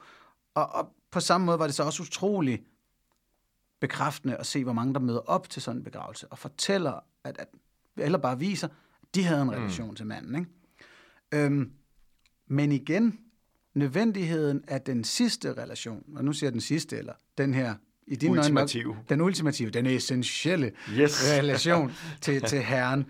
Altså, det er så den, du siger, den er faktisk afgørende for min værdi. Er det rigtigt forstået? Ja, det, det vil jeg, eller, men, men, og altså, den, afgørende for, for din værdi. Og stadigvæk forstået sådan, du har lige meget værdi, om du tror på Gud eller ikke tror på Gud. Fordi forbindelsen er der. Yes. Jeg ved det bare ikke. Og hvis, hvis, det er hvis, rigtigt forstået, ikke? Hvis ikke det var, at du havde den værdi, så havde Jesus aldrig nogensinde kommet ned på jorden for at, at give os muligheden for at, at lære Gud at kende. Og det, det her tror jeg meget godt, hvis nu ja. nogen sidder, fordi det, her kan jeg også lige hjælpe Altså, du må regne med, at den relation har Gud til alle, uanset til om alle de har mennesker. hørt om ham Gud eller Gud elsker alle mennesker og ønsker, de, Godt. De skal lære ham at kende. Der er en chance for frelse, uanset hvem man er. Yes. Okay. Øhm, så prøv, tror jeg lige at lægge det her værdispørgsmål lidt ned. Nu tror jeg, vi fik boret langt nok ned i det. Det håber jeg. Ja. Der, der er et par ting, øh, sådan helt de simple, vi lige også skal igennem her. Er der kun én Gud? Ja. Hvordan ved du det? Jamen, altså, hvordan ved jeg det? Jeg, man, kan jo ikke, man kan jo ikke bevise, men hvis du spørger, hvad jeg tror, mm. ja, der er én Gud. Der er, én Gud. Okay, der er mange yes. facetter i Gud. Øh, hvis du ser, hvordan, så er jo Gud Fader, Gud Søn og Gud Helligånd. Endnu en ting, som kan være lidt svær at forstå, men som man kan modellere på en anden måde, så kan man sige, Helligånden, jamen det er jo så vores åndelige mobiltelefoner, man så må sige, ikke? Øh, Ja. Gud Fader og Gud Søn og sådan. Det, det er jo en teologisk snak, men så, så Gud kan forklares på mange måder, eller kan, kan have forskellige udtryk. Jesus kom jo herned på jorden som Ja. Gud og menneske på Og en vil, gang. vil det så sige, at alle de andre religioner har på en eller anden måde lidt misforstået, men de har stadig fat i noget, men de Mm. har lidt misforstået gudbilledet. Når, når hinduisterne har lavet de her en masse forskellige guder, Vishnu og Hanuman og Mhm. mm-hmm. så videre, mm. at så har de prøvet at give mange ansigter på, hvad der faktisk er den samme. Jeg tror virkelig, at der, der ligger i mennesket en, en søgen efter Gud, ikke bare for at have en, en støttestok, men for at finde ud af, hvad, hvad er det, der ligger bagved? Hvorfor er jeg her? Øh, De eksistentielle spørgsmål. Mm. Og der, det tror jeg har givet mange udtryk rundt omkring. De fleste af dem, det går altid ud på, at hvis du anstrenger dig lidt mere, hvis du beder lidt mere mod Mekka, eller hvis du husker at gå i meditation, eller gøre sådan og sådan og sådan, så vil du opnå en eller anden form for nirvana. Undskyld, eller himmel, eller et eller andet mm. andet. Det er absolut diametralt øh, forskelligt i forhold til kristendommen, er, at øh, kristendommen har Din noget. udgave i hvert fald. Ja, det tror, ja. synes jeg egentlig, når jeg nu taler også, jeg har familie, der sågar er katolikker og sådan, synes, der er en, en fælles fodslag et sted om, omkring en Så Gud. det, det vil sige, at, at, at den anstrengelse, man skal lægge i at have relationen til Gud, den er noget nemmere i kristendommen. Ja, Er det rigtigt at sige? ja altså, meget nemmere, må man sige. ja. Det er lidt mere maligt. At det så er, at vi mennesker har det med, at jeg vil ikke kalde det maligt, men vi, vi mennesker har det med at, at øh, lægge nogle regler ned, som vi gerne skal opfylde for at være rigtig tæt på Gud. Det er vist meget almindeligt og meget menneskeligt, og det kan du finde masser af, også i kristendommen. Det er fordi kristendommen ja. består af mennesker. Og lad os prøve lige at, at bore ned i det så. Hvilke regler er der i, i din kristendom? Hvilke regler har den her rigtige Gud faktisk for vores levevis? Øh, prøv alt, hold fast ved det gode. Øh, Prøv alt. Ej, Det, øh, det er ikke det, du er kendt for politisk, tror jeg. Nej, men hvis, nu taler vi jo ikke politik, vi taler menneske, og øh, der, der var engang en, der sagde, øh, sagde det sådan her, jamen før jeg blev en kristen, der øh, drak jeg, og røg jeg, og dansede, og gjorde dit og datten, og alt, alt, hvad han kunne finde på. Så. Og så blev jeg en kristen, og jeg drikker og ryger og danser og gør alt det samme en gang til. Og der er egentlig ingen forskel. Der kan være forskel på, hvad jeg har lyst til, sagde han så. Mm. Og nu brugte jeg ordet at danse, og jeg beklager meget, fordi jeg kan godt lide at danse. Jeg synes ikke, det er noget dårligt. Og jeg synes heller ikke, om, og jeg, nogle af mine rigtig gode venner, de ryger altså, og jeg kan ikke se, at det er en synd. Men det var kun, jeg, det er kun fordi, lytterne kan jo ikke vide, at jeg ikke anser den, jeg vil hellere vente den. Det, jeg ser som synd, det er det, der ødelægger. Det kan være ødelægge relationer, det kan være, og, som Jesus selv også er inde på, den måde, hvorpå man faktisk slår andre mennesker ihjel med sine ord. Okay, Øh, men, men må jeg ikke prøve at gøre det mere ja. simpelt så, til, til alle os, der ikke er så bevendte i Ja, men det var bare i fordi, lige pludselig skulle jeg høre, hvordan... øh, en checkliste. Må ja. Man øh, dyrke sex æg- ægteskab? Det kommer jeg virkelig ikke mig ved, men øh, jeg synes, Din jeg synes personligt, altså der står ikke noget øh, i Bibelen, hvis du går ind der og så kigger på, om der er indført hvid brud og sort gom, og hvad ved jeg ikke, og ja og armen i kirken. Det findes ikke. Selv Luther sagde på et tidspunkt, at han ville tage det ud af kirken, men så synes folk, der skulle være et, et, øh, et ritual der. Det Okay. okay. synes jeg også er fint, og jeg må sige, at jeg går ind for det, men, men der står egentlig ikke noget om det. Men du skal være ansvarlig med dit liv. Ja. Må jeg dyrke sex med flere på en gang? Øh, det vil jeg absolut sige, at det vil være en rigtig skidt ting for dit liv. Og det vil Okay. okay. sige, det vil være at ødelægge dit liv. Ja. Har Bibelen sagt noget om det? Ja, ja, der er flere steder, hvor det er, at, øh, at det øh, i tale sættes. Jeg tror, det er en dår. Altså, du skal jo tænke på, må jeg det? Må jeg det? Må jeg det? Du skal vende den rundt, så skal du sige, er det godt for mig? Er det godt for mig? Er det godt for mig? Okay, ja. Hvorfor Fordi er det, det- ikke... Så lad, os bare, så lad mig bare spørge så på den måde. slipper vi for alt det der med, må jeg køre 110 på motorvejen, hvis der kun er 90? Nej, det må du ikke. Det er en dårlig idé. Det er dårligt for dit liv. Yes. Hvorfor er det dårligt for mig at dyrke sex med flere? Jeg har jo aldrig prøvet det. Så jeg kan jo ikke rigtig sige det. Der er nogen, der har prøvet det, som siger, at øh, det gør dem på en eller anden måde. I til syvende og sidst, så, så gør det dem følelseskolde. Sådan. Jeg har ingen erfaring med det. Så, Nå, men her, her tænker jeg sådan, Nå, men det er bare, altså, hvad, du Nogle siger, gange- det, det lyder som om, der yes. er en regel imod det. Nej, En regel imod øh, at, at, tage, have en trekant, eller at Ja. have flere partnere øh, i, over en løbende periode. ja. Og hvad er det, der er dårligt for, for en selv ved at gøre det? Jeg tror, at det er dårligt, at man prøver på at tilfreds... dybest set at tilfredsstille ens eget behov, frem for at være nærværende med et andet menneske, som man bygger en relation op med. Okay, vent lidt, fordi her synes jeg så, der er en lille strømmand i det. Mm. Altså, øh, lad os bare sige, at vi er tre. Alle bliver da tilfredsstillet. Ja. Man er vel en gentleman? gør man? ja, altså, Øh, jeg tror, det er du, dyrkelsen det, af virker som om, sex. jamen, det virker som om, du forudsætter, at der er nogen, der bliver ja. snydt i de her relationer. Det behøver der ja. jo ikke at være. Så kan man sige, ja, du får det der kick, og du får din dopamin. Og alle gør det. Men sex er for mig at se mere en dopamin, og mere en, en seksuel øh, nydelse på den måde. Det er også at, at, oparbejde en relation Jamen, til et andet menneske, jamen, som er meget dyb. Og, Et andet og et tredje menneske. og det tror jeg så ikke er muligt på den måde. Hvorfor ikke? Men det tror jeg, ja, hvorfor ikke? Altså, du har din fri vilje. Jeg vil gerne sige, at mm. øh, jeg både som politiker og som menneske vil sige, at alle mennesker må gøre, hvad de selv vil. De skal bare også selv tage konsekvensen af det. Jeg tror ikke, det er godt for mennesker, fordi jeg tror ikke, at vi kan, øh, vi kan ikke øh, sprede os over det øh, over flere mennesker. Der findes mm. faktisk i Bibelen adskillige tilfælde, om ikke, jeg aner ikke, om de lavede gruppesex, men hvor det er, at de har flere koner, og hvad ved jeg ikke. Det ser ikke ud som om, at det ender særlig godt. Er sådan, de historier i hvert fald. Men Ja, der, der må man jo så, så- sige, altså som modvægt, nu tillader jeg mig mm. lige at blande mig lidt, Ja. det virker da som om, at der er noget i vores nuværende kultur, der tyder på, at folk har lidt svært ved at skulle nøjes med én partner, eller én dyb relation af den her art. Eller også så er der 50 procent af os, der lever i monogame forhold, og den anden halvdel vil ønske, at de gjorde det.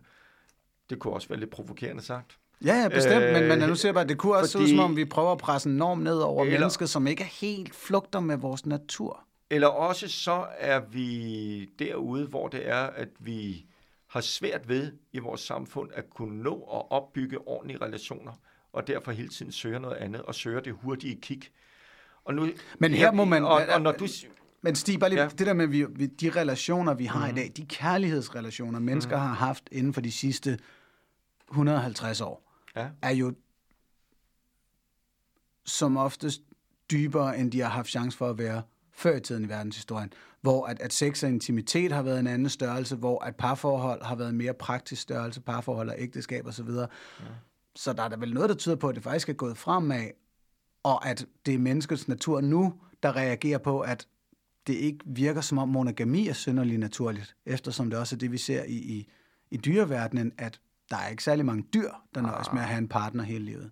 Jeg vil sige, jeg tror sådan historisk betragtet, uden, jeg er historiker, men jeg er historielærer, men jeg er ikke historiker, men, øh, men, øh, men jeg vil våge den påstand, at far, mor og børn, det er kommet for at blive, og det er en, en god enhed, også for og, og, og, og den opvæksten af den kommende generation. Du tænker, at, at far, mor og børn er, er en, en form for naturlig konstellation. Det er ikke Det bare en, en økonomisk, kulturel størrelse, der er opstået. Til gengæld vil jeg sige, netop når du siger, i dag har vi ikke så meget behov for hinanden,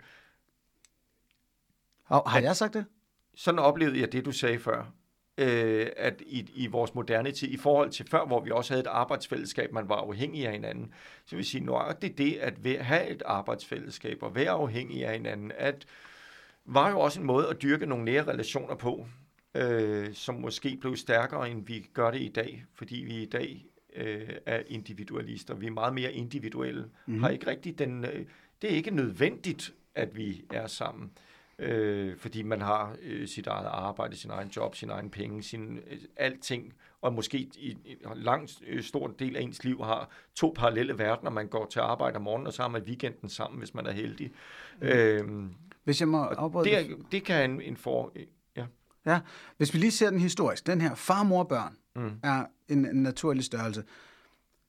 Og, og med i konteksten her, at, at Gud har skabt vores liv på den måde, som videnskaben nu har forstået det, planeten 4,5 milliarder, og så kom mm. mennesket måske for 300.000 år siden cirka som en opgradering af en form for primatarte og så.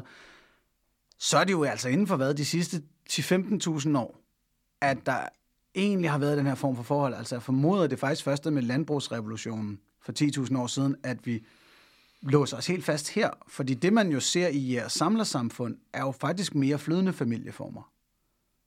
Så hvordan kan det være, hvis det er den måde, Gud har tiltænkt os at leve på og have familierne på, at der skulle gå så lang tid, før vi endte med den familieform?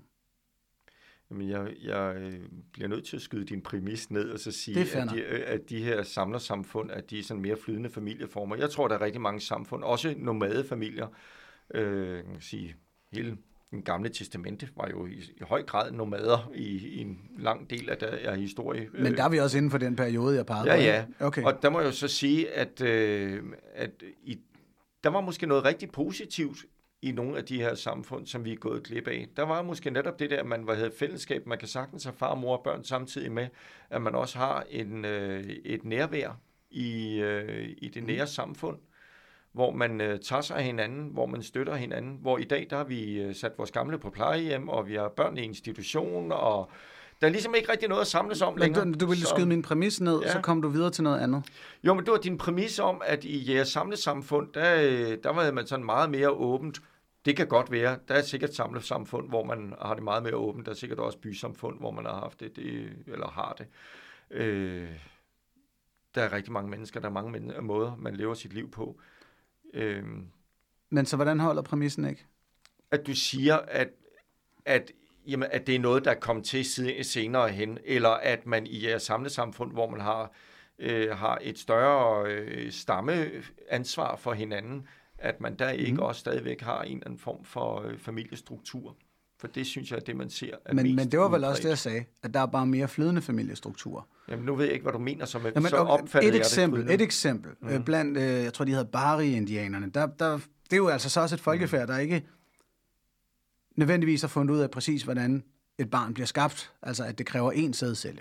Mm-hmm. Fordi der er blandt andet regler om, at, at det næsten er velanset for en kvinde, Mm. at når hun vil være gravid eller er gravid, at hun er sammen med så mange forskellige mænd som muligt mm. fra landsbyen. I det, at så får barnet mm. de forskellige mænds evner, så du er sammen med den største og den klogeste og den hurtigste og den, den sjoveste osv. Mm. Øh, altså, det er virkelig velanset, og, og mm. det er jo så også kvinderne, der har noget magt her, fordi barnet får gerne morens navn, det er så Rebecca, mm. søn, eller mm. hvad de nu, de hedder nok ikke Rebecca. Mm. Men på den måde får du så også en struktur, uagtet at det jo mm. så biologisk set kun er mm. en af de her mænd, der er faren, men du får en struktur, hvor ungen har alt mellem 3 og 32 fædre, afhængig af, hvor, hvor grundigt mor han har gået til den, mm. som føler ansvar. Mm. Og, og den form for, for matriarkal samfund med, med langt flere forældre for et barn, var jo faktisk en, en meget stor fællesskabsstørrelse i forhold til, hvad der så skete, når man ligesom sagde, nu er det far, mor og børn, nu har du ansvar, hovedansvar for den her Ja. unge. Ja. Altså, det, men du ser bare, de, det har vi for eksempel observeret i Bari-indianerne. Ja. Og, og hvilket man så kan udlede til, jamen hey, de her samlivsformer, som jeg samler, mange er døde. Mændene er døde tidligt, fordi de har været på jagt og andet. Nu skal jeg ikke øh, våge mig ud i et eller andet, hvor feminister, feministerne kan komme efter mig. Ikke? Men det har naturligvis gjort, at, at de klassiske familiekonstruktioner var der ikke på samme måde. Nej, men man, øh, der, du, du nævner du bare i folk, og der er 100 millioner andre øh, folkeslag rundt omkring. Jeg har selv været, jeg nævnte det før, jeg havde været i Afrika øh, i sin tid. Der, dernede, der har man jo også haft forskellige andre øh, konstellationer, som jeg vil så sige, der er altid også nogen, der er tabere, når det er, at man har de mange. Fordi jo flere du har, jo mere kunne man jo også sige, Nå, men så gør det jo ikke noget, fordi barnet har jo alle mulige andre fædre også. Så Mm. det vil sige, at man behøver jo ikke at sige, at det nødvendigvis skulle være godt. Jeg tror heller ikke, at man føler ansvar, bare fordi, at man...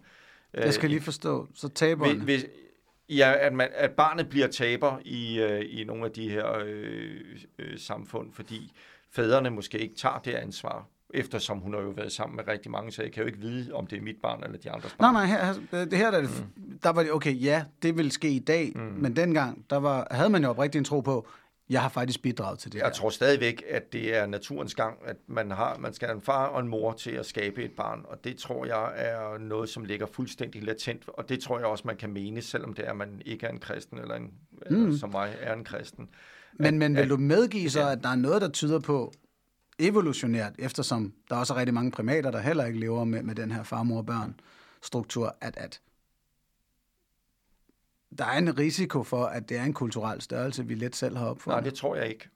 Nej. Det, det tror jeg faktisk ikke. Og det er rigtigt, at jeg, jeg også, og jeg står fuldstændig ved, at jeg siger, der, jeg, jeg synes, at øh, det er spændende at se hele den videnskabelige udvikling. Sådan. Jeg tror sådan set, at der er et eller andet sted, hvor det er, at kæden knækker, hvor man kan sige, at her har vi at gøre med et menneske.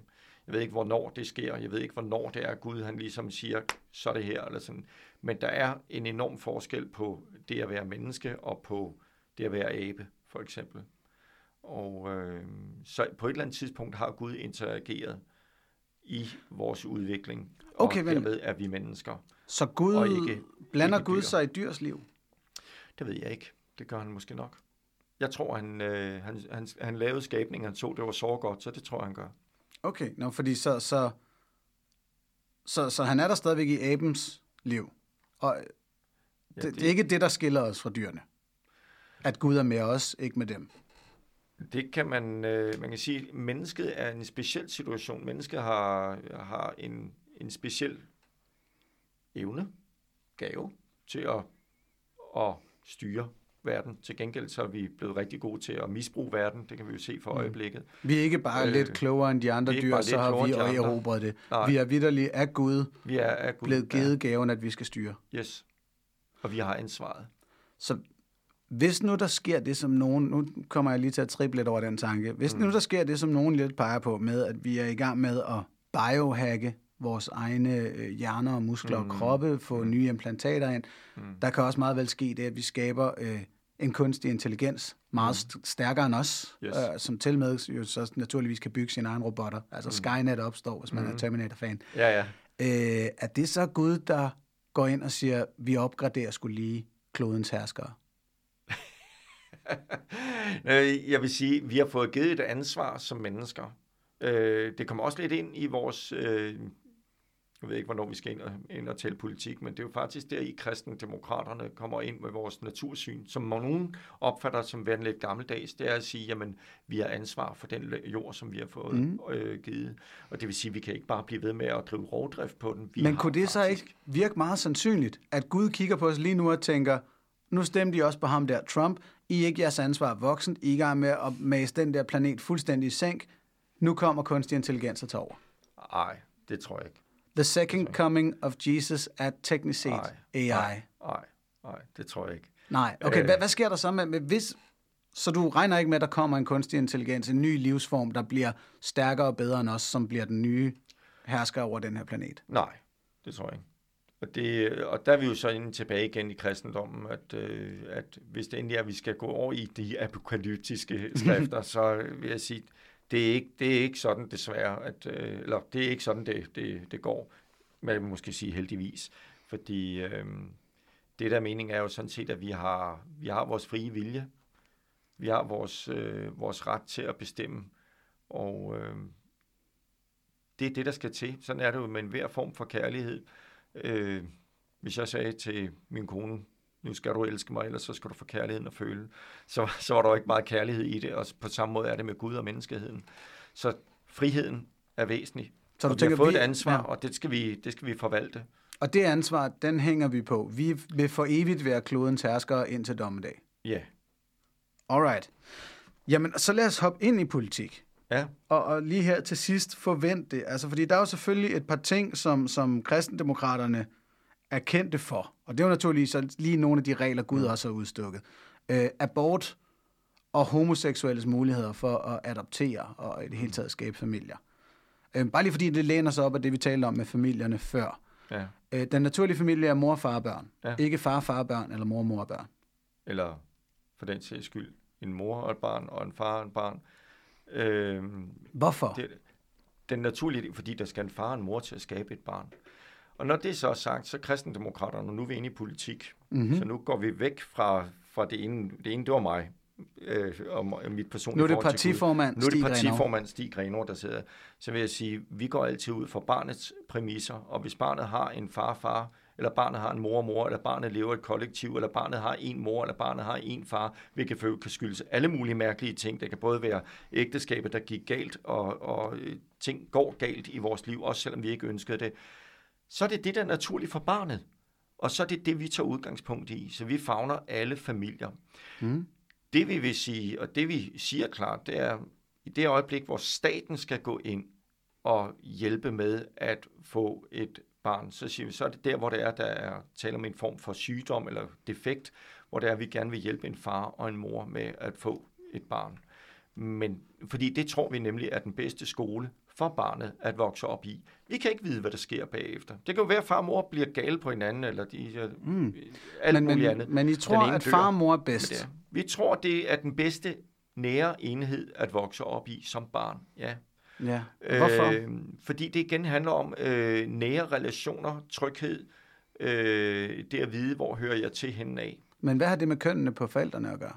Det har det med kønnene at gøre, at man kan spejle sig i sit eget køn og i det modsatte køn. Og øh, det handler ikke om, at to homoseksuelle forældre ikke kan være, eller øh, altså to mennesker af samme køn ikke kan elske barnet og være glade og omsorgsfulde og gode i lige så høj grad som andre. Men den dreng, som ser verdens bedste herre og fru mor øh, stå der, øh, han kan jo se, at de har fravalgt hans køn. Hvad betyder det for ham? Ja, det skal jeg lige forstå. De har fravalgt hans køn. Ja. Øhm, seksuelt. Ja. Og, men det er vel det? Ja. Der stod, jeg var i debat med, med det var så en, en, øh, en mand, som sagde, at han havde de her børn og sådan noget, og så sagde han, ja, det at være, være morrollen, det er også noget, man lærer. Og der vil jeg gå ind og så sige, man får altså ikke lige menstruation, bare fordi man er mand, og, og lige pludselig har fået en pige. Du får nu ikke, jeg så du sige, kan at da, ikke, da jeg hørte om konceptet ikke. menstruation, ja. det var ikke der med, jeg følte, at mine forældre havde gjort mig en tjeneste. Nej, det kan godt være, men, men det, at man har mulighed for at øh, spejle sig i en mor eller en far, eller, eller nu siger jeg, jeg bruger ordet, tage afstand fra, altså man har det her, det her spil, som børnene jo altid gerne vil have, som man også bruger til faste lavn og andre steder, prøver at klæde sig ud som det modsatte køn og være sådan. Det er væsentligt for ens opvækst, også for ens egen øh, identitet. Og her ved mm. jeg, at det næste spørgsmål bliver, er du bange for, at de bliver homoseksuelle? Nej, det nej, nej, det, ikke. det, det, vil det, jeg ikke det er overhovedet ikke det, der handler om. Det, det handler næste om spørgsmål et vil faktisk et helt menneske. Ja. være, jamen, det virker da som alt om, andet at lige. Dem, der er gladest for at klæde sig ud som det andet køn, det er da sådan set dem, der er i det miljø, hvor der gerne er homoseksuelle forældre. Det tror jeg ikke. Hvor du hvad? Jeg, jeg tror, alle, der har haft børn, de har haft drenge, som har klædt sig ud som piger og vice versa, og hvad ved jeg ikke. Og, og det er helt fint. Det er jo den leg, man skal have som barn. Men, men, men altså, men alt det, jeg, du lige jeg, sagde, det er så det, der ja. leder frem til, at derfor synes du ikke, at homoseksuelle forældre skal have helt de samme muligheder for at adoptere? Jeg mener ikke, at staten skal gå ind. Hvad de gør selv i civilsamfundet, det skal vi ikke blande os i som politikere. Det er civilsamfundet, kommer ikke også ved. Men hvis staten skal ind og tage vare, så skal vi sørge for, at barnet har de bedst mulige opvækstmuligheder, den bedst mulige skole for at blive voksen, og det mener vi er øh, i samvær både med en far og en mor. Ja. Godt. Og så abort. Ja. Det er en af de store, hvor jeg er jo vokset op, mens den var fri, ja. øh, og blev lykkeligvis til alligevel. Øhm, men har aldrig, jeg har virkelig aldrig overvejet spørgsmålet politisk, som om, at det skulle være en diskussion. Jeg har jo kun set, at hvor stort et emne det er i mm. USA, for eksempel. Ja. Forklar mig lige, hvorfor at det er et, et vigtigt politisk spørgsmål. At, at forhindre, eller hvad, hvad må jeg kalde det? At forhindre Jamen, det er vigtigt, mennesker i at få abort. Jeg tror ikke på, at vi kan forhindre mennesker i at få abort. Kristendemokraterne gjorde det her i 2008, tror jeg det var, at vi vedtog et program, hvor vi sagde, at hvis vi får mulighed for det, så vil vi indføre den tyske model. Og den går på, at man har oplysning om, hvor langt er barnet i sin udvikling, hvilke risici udsætter man sig selv for fysisk, psykisk. Vi vil gerne have far med ind til rådgivningen, og så skal man have en social øh, vejledning, hvor man kan sige, hvis du vælger at få barnet, så har du de her muligheder for at beholde barnet og de har mulighed for støtte, hvis det er, at du kan få en lejlighed eller nogle andre ting, mm. hvad det nu måtte være. Fordi vi tror, at oplysning og rådgivning er meget, meget vigtigere i et samfund, og så ændre holdningen til, hvad et menneske vil være. Og når det er så vigtigt, så er det jo i hvert fald, jeg vil sige, det er ikke blevet mindre vigtigt, eftersom den teknologiske udvikling gør os i stand til at se, hvad et barn øh, kommer til at fejle allerede inden det bliver født. Og det betyder jo, vi har jo allerede i i Indien er det meget, meget udbredt, at man fjerner et, et barn, hvis det er et pigefoster. Ikke? Og hos kristendemokraterne, der har både piger og drenge lige høj værdi. Ikke? Mm-hmm. Øh, der har også været sager herhjemme, hvor man siger, at der er nogen, der tager til Sverige og får det foretaget i 13. 14. uge, øh, uden at det sådan rigtig kunne dokumenteres, har der været læger, som, som, som siger, at man får kønnet at vide, og så gør man det. Så derfor tænker du, at den, hele den moralske diskussion er faktisk vigtig? Der er en etisk her. baggrund, som absolut ikke bliver mindre vigtig, men som vi ikke taler om i Danmark, som man taler om i mange andre europæiske lande også. Og, og bare tage sådan noget som, at vi scanner foster, det gør vi jo faktisk ikke for, at vi kan få et lille billede med hjem af den nye, øh, den nye lille familiemedlem. Det gør man jo for at finde ud af, har det Down-syndrom? Mm. Øh, jeg synes, der var nogle rigtig gode Danmarks Radio-udsendelser på DR2 for nogle år siden, tror jeg, hvor, hvor det netop i tale sættes, hvornår er det et menneske, ikke har værdi længere. Fordi vi tænker hele tiden på et menneske som et sygt menneske, siger, at det har den her genetiske defekt. Men man, du tænker ikke på, at det her barn rent faktisk også giver noget retur. Øh, så for os igen ville det der gå ud på, at forældre, der venter sådan et barn, skal hen og tale med en forældregruppe, som har sådan nogle børn, og som kan fortælle, at det her det er svært. Det behøver ikke bare være Down-syndrom, det kan være en masse andre sygdomme, som vi efterhånden mm. kan scanne for. Og der skal de møde de her mennesker, som siger, at det er svært, men det her barn giver også noget retur. Men tænker du, at abort er forkert? Ja, det gør jeg. Fordi? Fordi et menneske starter, menneskelivet starter ved befrugtningen, og det er vi jo ikke det eneste, der siger. Det er jo faktisk videnskaben, vi har også på vores øh, side der. Øh, det er egen DNA. Det er ikke mhm. morens mm. DNA, det er ikke farens DNA, det er egen DNA, det er egen blodtype, det er egen... Når de her aborter foregår, så er det jo altså øh, med, med mange af de her øh, funktioner, der, der er udviklet. Ja. Så man kan jo sige, det er, det er et menneske. Så det, er, det, er det mor? Er det et for hårdt ord? Ja, det er det. Fordi hvis jeg bruger mor, så kommer jeg uhyggeligt tæt til at sige, at den kvinde er morder. Og hver gang jeg taler med en kvinde, som har fået en abort, så langt de fleste tilfælde, der vil jeg i hvert fald sige, der har jeg oplevelsen af, at der er altid en historie bagved. For mig gør mm. det det ikke øh, handlingen bedre. For mig får det mig bare til at anstrenge mig for, at vi for det første anerkender som samfund, at det her er børn, det er mennesker. Og at vi som samfund bestræber os på at gøre alle muligheder for, at mennesker, i hvert fald ikke af økonomiske grunde, går hen og, og får foretaget en abort. Jeg synes jo, det er vanvittigt provokerende at kalde det fri abort, når det er, at man laver et kontanthjælpsloft, hvor man så fortæller øh, mm. en kvinde, du kan ikke få nogen børnepenge, men vi vil gerne give dig en gratis abort. Hvor blev friheden af?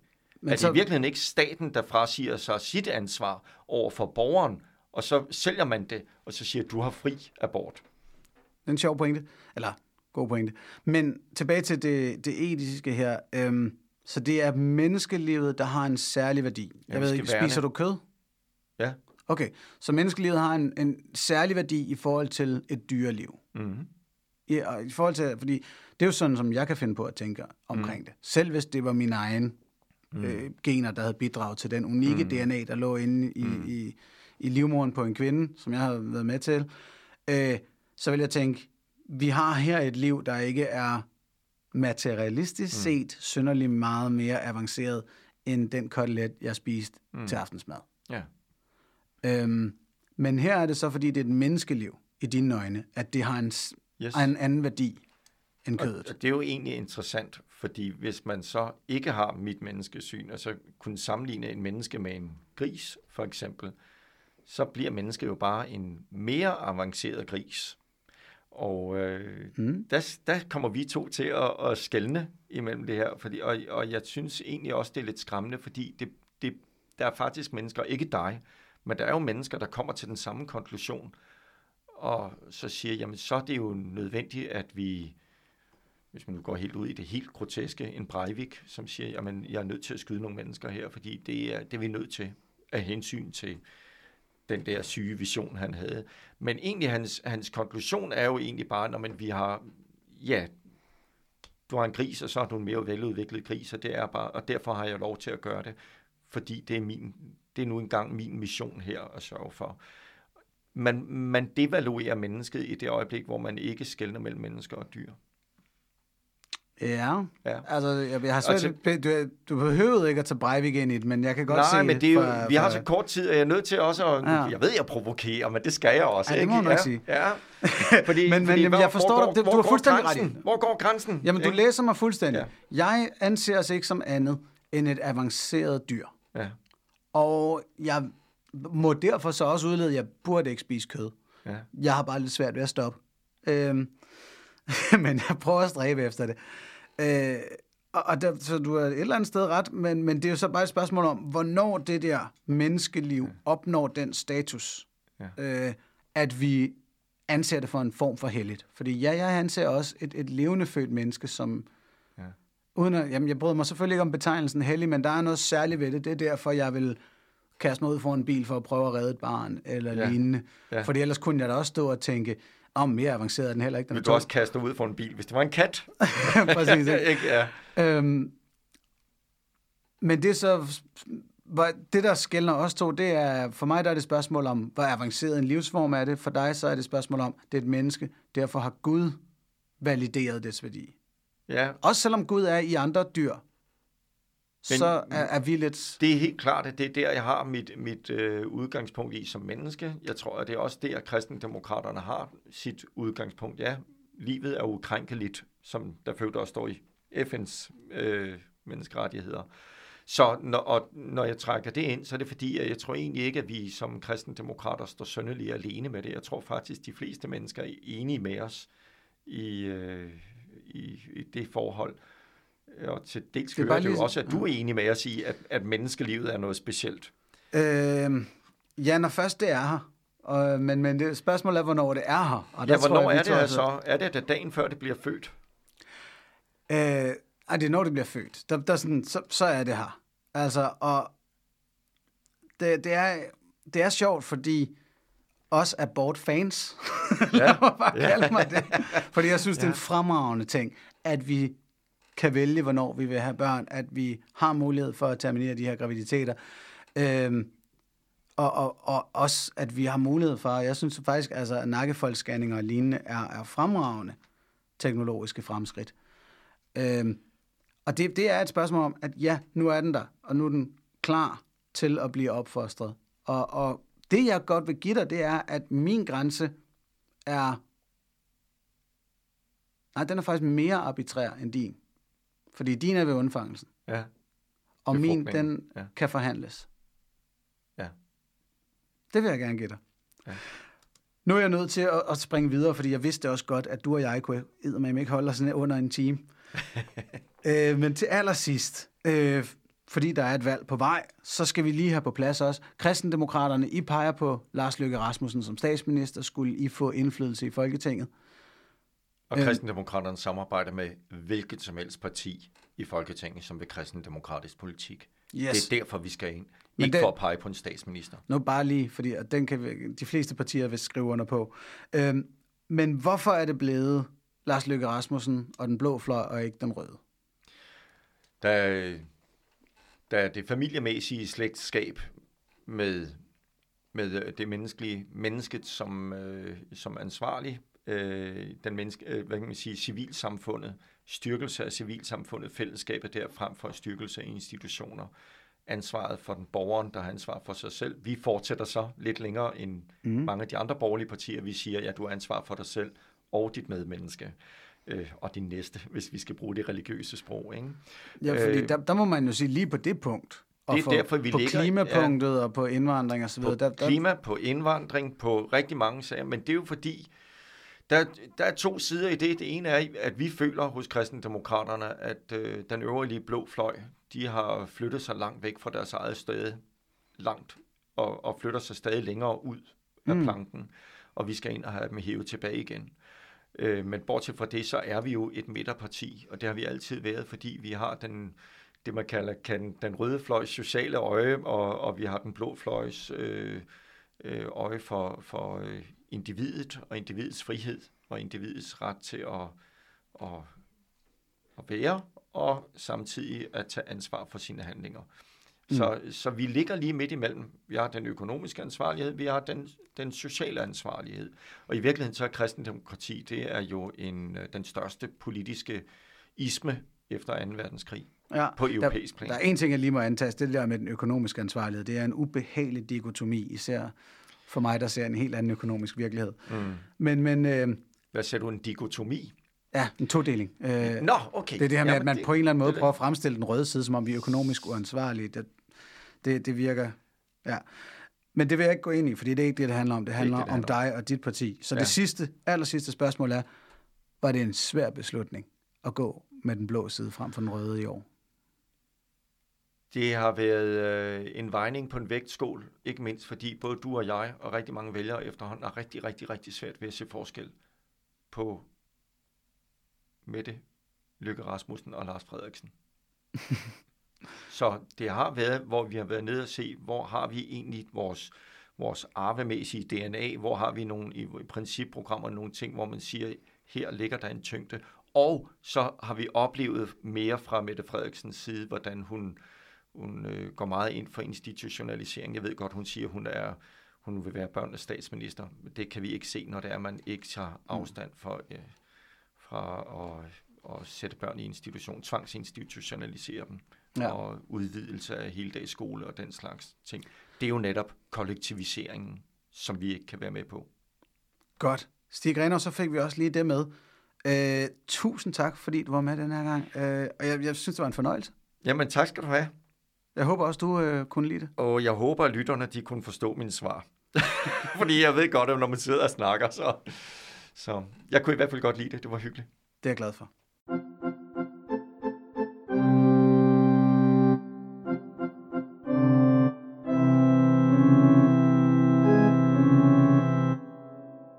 Det var altså min samtale med Stig Grenov, kristendemokraternes formand og apostolsk kristen. Normalt her i, i Apollon, eftertalen, der vil jeg gennemgå eventuelle faktuelle uenigheder mellem mig og gæsten. Dem var der ikke rigtig nogen af i dag. Øh, Stig er en naturvidenskabeligt orienteret mand, der ved, hvornår han, han kommer med en påstand, som er subjektiv. Så det eneste, der måske lige var i dag, det var lidt den her historiske øh, uenighed omkring, hvordan er mennesket egentlig blevet monogamt indstillet, som, som Stig og jeg kom lidt ned i.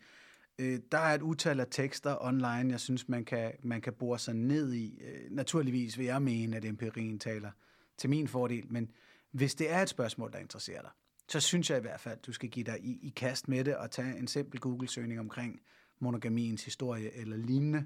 Hvis du har Netflix, ved jeg, at øh, den serie, der hedder Explained, har et afsnit om monogami, jeg også synes er, er meget sigende og spændende.